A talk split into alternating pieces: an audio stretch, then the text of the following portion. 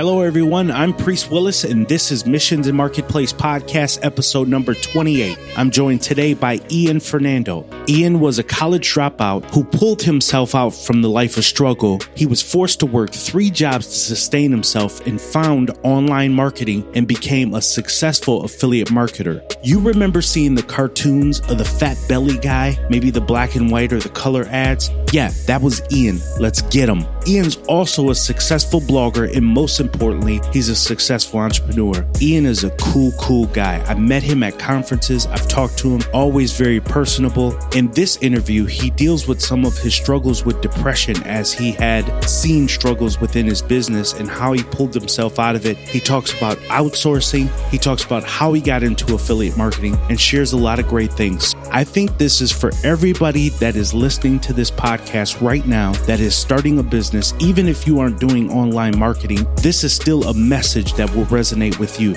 Without further ado, here is my man, Ian Fernando. Welcome to Missions and Marketplace Podcast. Join us as we talk to business and thought leaders to discuss their passions in and outside of business and how it drives them to give and be citizens of goodwill. Let's get started. Hey, Ian, welcome to the program.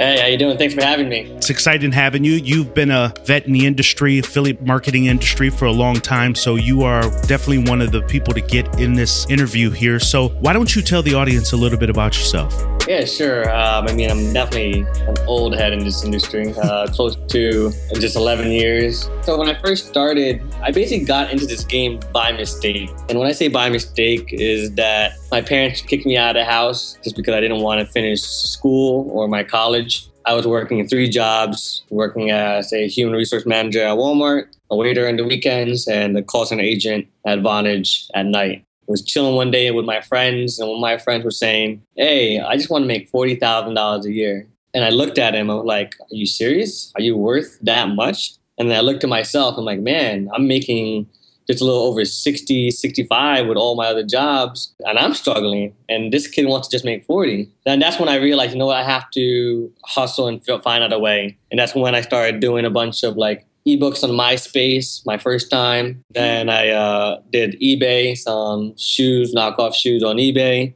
And then uh, I got into affiliate marketing, basically by mistake, just because I also was getting tired of customer service while working three jobs. It didn't really fulfill my need to get rid of all the jobs or even one. So I had to get another source of income. Luckily for me, I met, I believe, um, Google Ads through I want to say like AIM back in the day, uh, Instant Messenger through yep. somebody. They introduced me to an affiliate manager, and this affiliate manager got me on a specific campaign at that specific time at this specific season, and I was making from $100 a week to $100 a day. Then eventually came to $1,000 a day. And that's when my affiliate marketing game kind of kicked off. Wow, that's amazing. So you said you wanted to kind of be a hustler. You know, you wanted to kind of get out of working the three jobs, but you were hustling. You were just hustling a little backwards because you was doing it for other people. But you took that same yeah. kind of aggressiveness and applied it to the affiliate marketing game which is a nice way to kind of view it. And I think a lot of entrepreneurs can resonate with that, where they're kind of, you know, they're hustling in one direction, but they really want to do it for themselves and realize that there's an opportunity there. So that's good stuff.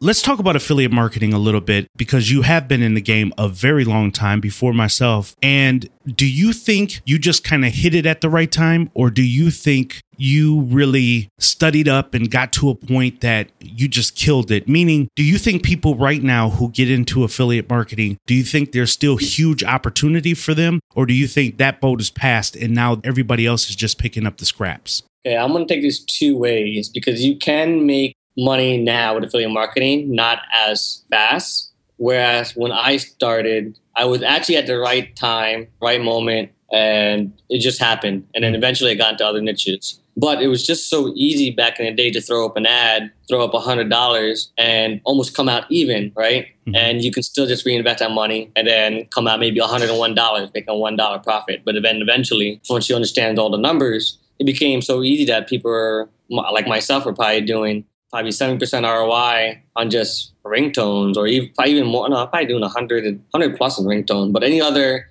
lead gen like subprime that I was doing, probably doing 7% uh, ROI on those uh, other niches. When I specifically got on, my affiliate manager definitely helped me. She basically told me what keywords to bid on, what kind of landing page uh, to use, and I did the work. I made the page, I put it up, I did the bidding, but I didn't have obviously thousand dollars to bid. I probably was using fifty dollars, and eventually it worked out for me. And that's when I was saying I was doing hundred dollars a week, and then became thousand dollars a day. So at that time, I really did very well because of a specific niche at a specific time, that specific moment. And back in the day, two thousand six. It was just easy to just throw up an ads and Google was just learning their own algorithm coming back now, yes, you can still make money, but you have to really, really hustle. Like there's a lot of people now that are cloaking. You kind of have to if you want to get an above 50% ROI or even above 30% ROI because you have to figure out why isn't Google accepting this? Why isn't Facebook accepting this? And then you kind of go bypass that. Whereas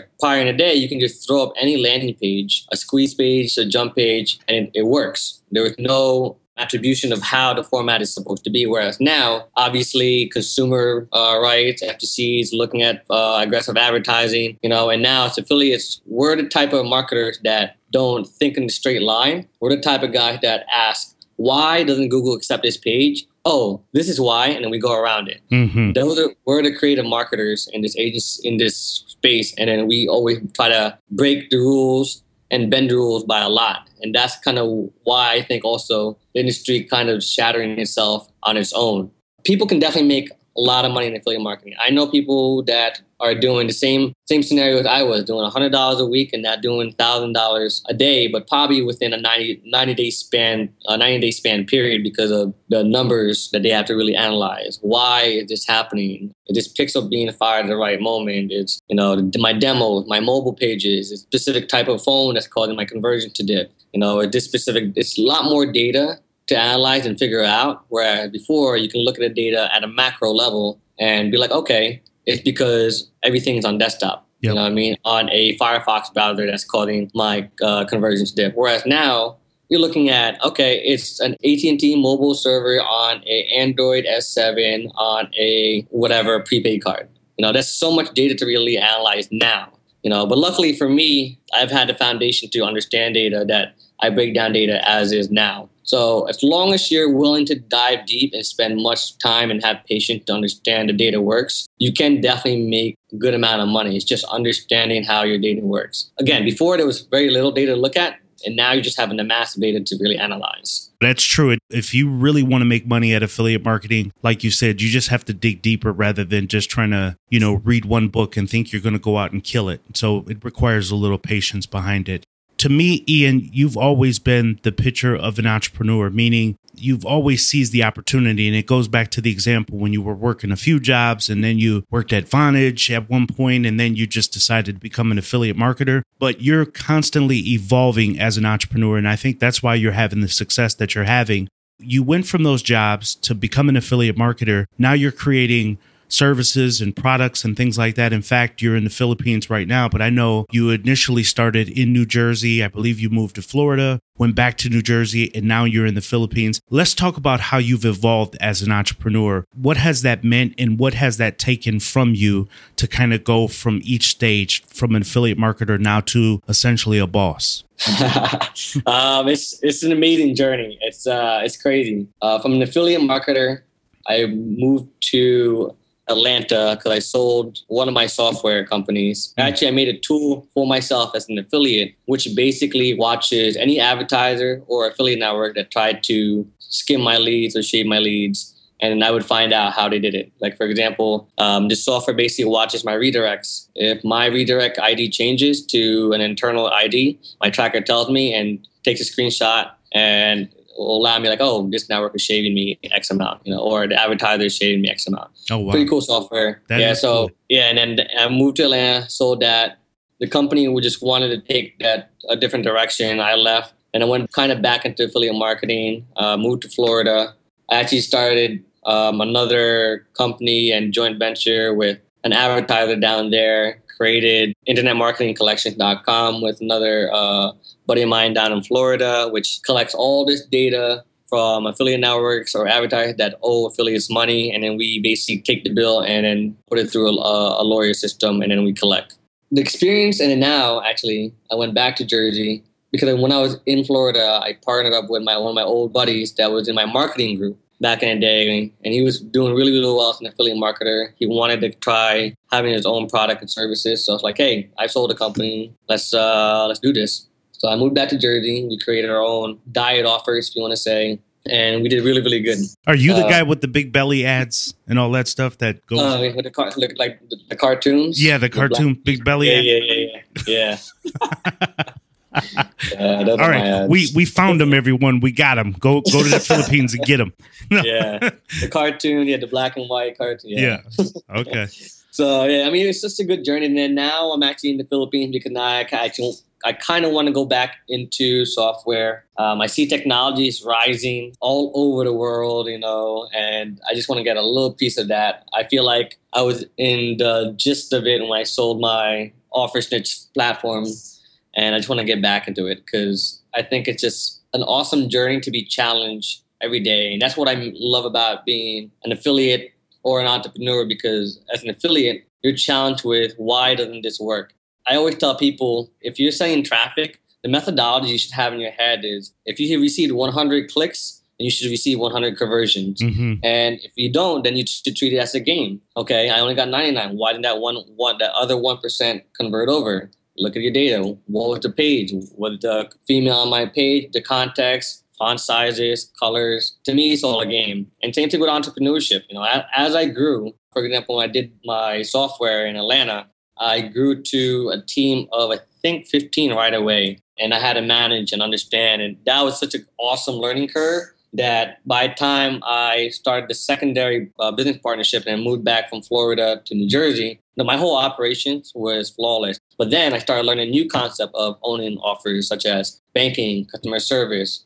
That's another aspect that I've, I've learned and, and brought on to me. You know? So everything, every step that I've received was an awesome experience just because it's all a learning phase. Even yeah. though I've I've made a mistake a couple times here and there, it just taught me to do a little bit better and understand why. I think we all make those mistakes as entrepreneurs and that's mighty transparent of you to share that because you know a lot of people need to hear that hey, you know, there's going to be ads, there's going to be things that you do in your business in general that you're going to fail at and you're just not going to do right. And some of you may be suffering some level of anxiety or depression. You just have to test things and sort of persevere and move through because the things that make Ian successful and other entrepreneurs is that they're constantly testing and looking at their data to see what's not working and to see how to fix it. Correct, correct. Well, I, I just want to touch base a little bit on, on the depression part since you mentioned it. Yeah, let's I do actually, that. I actually went into depression for three months. It's when I was doing really, really well. I bought a house because everybody at this time, I don't know if you remember Uber affiliate, you know, and oh yeah, all these other affiliates were uh, buying houses. So I'm like, you know what? I, I'm I have enough money like everybody else. Let me buy let me buy a goddamn house too. So I bought a house or a condo, and then after probably a year, my campaign was just losing money, like seven k a day. And then I'm like, yo, what's going on? What's happening? And I'm staring at my data. I'm like, I don't understand what's going on. I stopped the campaign. I was literally in depression for probably three months and asking myself, maybe I need to go back to work. Mm. Maybe I need to go get a job is this really for me? Because I told myself at that time, this happened to me on accident. Was this really meant for me to be where I'm at? Or maybe I should just stop and go back to a job because it's more secure. I, w- I remember walking around my neighborhood to parks and just trying to think clear. I was just like, okay, you know what? Let me go get a tattoo. I have these tattoos on my hands that basically, when, the, when my hands are connected, it says love life. And that's when I started realizing that I got to stop being cocky. Back in the day, a lot of affiliates were very, very cocky, and, and I, I, got caught up in that game. Mm-hmm. I remember going to clubs and telling bouncers like, "Yo, you know who the fuck I am? You need to Google me."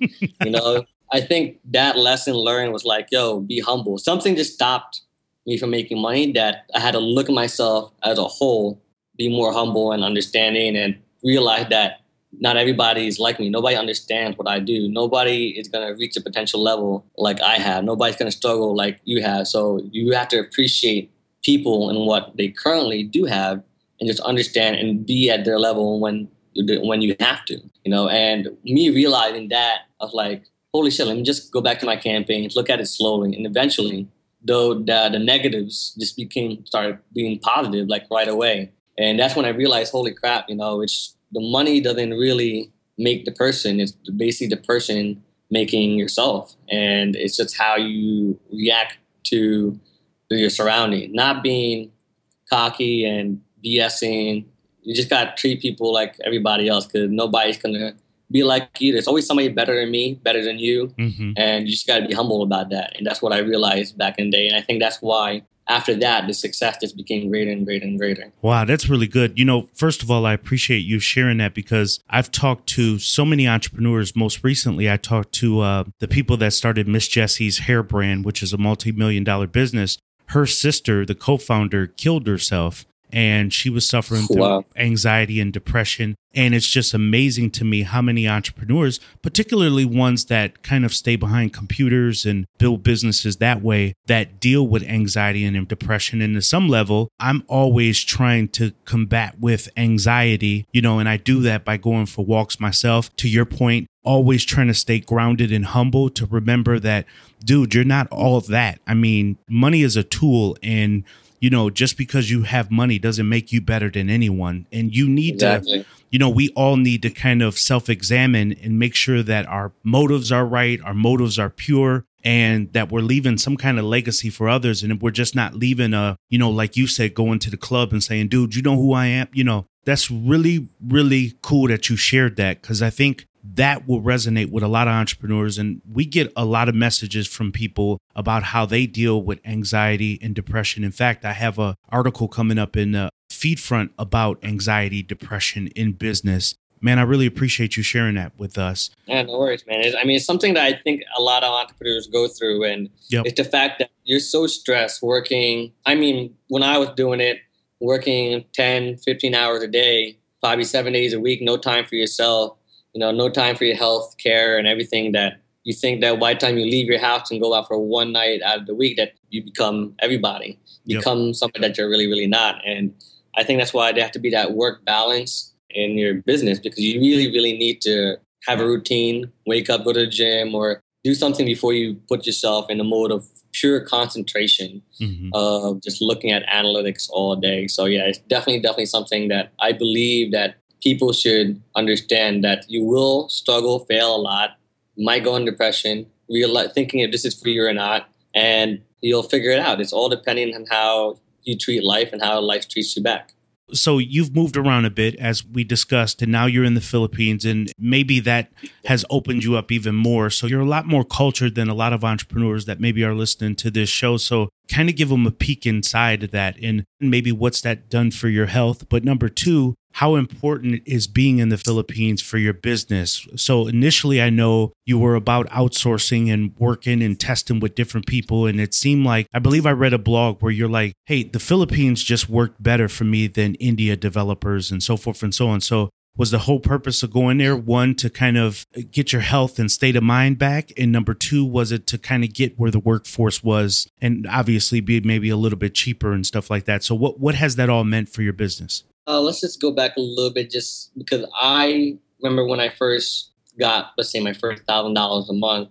I actually started. I've been wanting to travel for so long. My dad's a traveler. He traveled the world. He, my dad, honestly knows like six, seven languages, mm. and I just want to be able to travel. So when I started traveling, I realized, oh, you know what?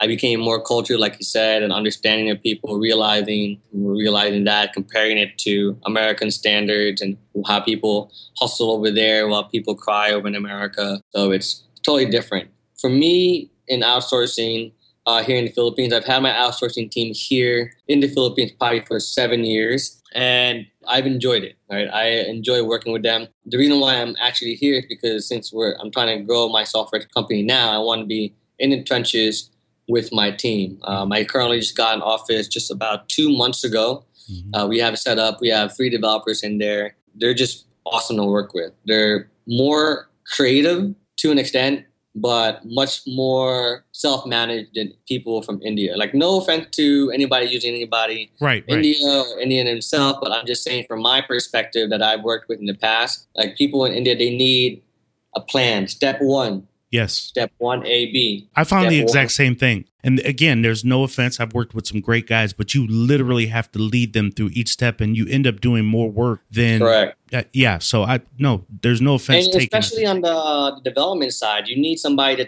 think. I'm not. I'm not a developer. For an indie guy to always just say yes, yes, yes to me, and then ask me, ask me, and say yes, yes, yes. hmm I don't know if I'm saying the right thing sometimes. hmm Luckily for me, I have a developer here in the Philippines, a senior guy that's very, very well, good, well rounded, and he'll be like, "Hey, don't bother me for next week because I'm trying to be on time schedule." And that's what I want.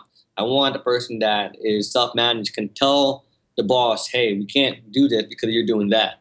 Whereas in India, it's all yeses, and then you'll never reach a deadline because they don't tell you that they're the expert. hmm You know, that's the sad part, and one part I really, really hate about it. You know, designers in India the same way. Like I know some guys that use just awesome designers, but my experience back in the day was like I just give them three samples. I'm like, hey, do this, but then they literally copy and paste the design. I'm like, no, you're a designer. Yep. You know, so Exact same stuff that I've experienced. So very good points there. You look, you talked in the video, and I want people to go watch his video. He does Q and A with entrepreneurs sometimes, and it seems somewhat random. I mean, where he posts up videos. Yeah. He's had a couple part series where he answered questions for entrepreneurs. So you guys go check out Ian Fernando, or at least search it in YouTube, and you should be able to come to his page to see it. One of the ones that I thought was pretty cool was you brought up about needing good financial advisors or needing financial advisors in general. I know Yeah. there's a lot of entrepreneurs trying to keep spreadsheets and do this stuff on their own, but I found it very key to find people that are good at what they do. And you kind of separated the people too. You said, look, there's a difference between financial advisors, CPA, fiduciaries, Yep. and you get really into specifics.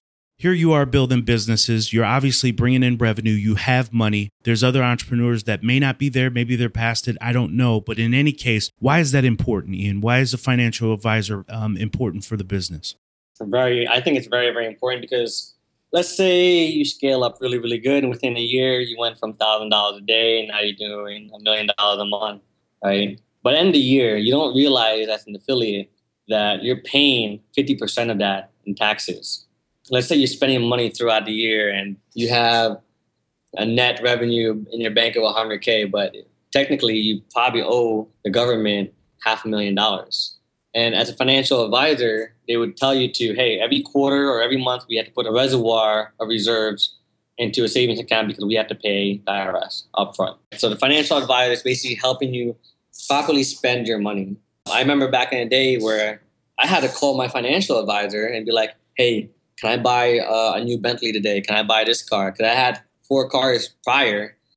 I had to call my financial advisor to ask permission if I can spend my own money, which is good because Yeah. you need the guy to tell you, no, you can't. You have too many fucking, you know, bad liabilities. You know, these aren't assets or anything. But he knows that if you spend this money, you're paying X amount in taxes, your insurance. He'll break it down in his head almost right away. Where as an affiliate entrepreneur, really don't think about it. We're already thinking about the toys, the flashes, and, and everything like that.